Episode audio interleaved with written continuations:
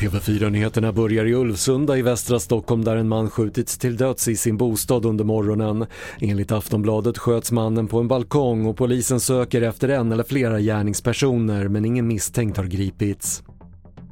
En migrantbåt med 200 personer saknas och spanska sjöräddningen söker i vattnet utanför Kanarieöarna rapporterar BBC.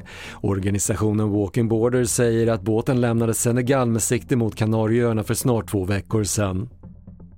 Sverige har inte gjort tillräckligt för att bli insläppta i NATO. Det budskapet upprepade Turkiets president Erdogan i ett telefonsamtal med USAs president Biden sent igår. Samtidigt råder det febril diplomatisk aktivitet inför NATO-toppmötet i Vilnius för att landa ett svenskt medlemskap.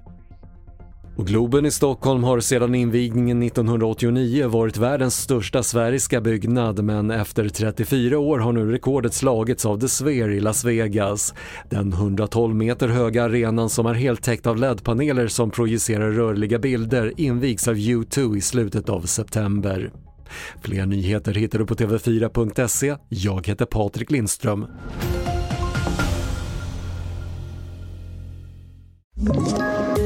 Poddtips från Podplay. I podden Något Kaiko garanterar östgötarna Brutti och jag, Davva, dig en stor dos skratt.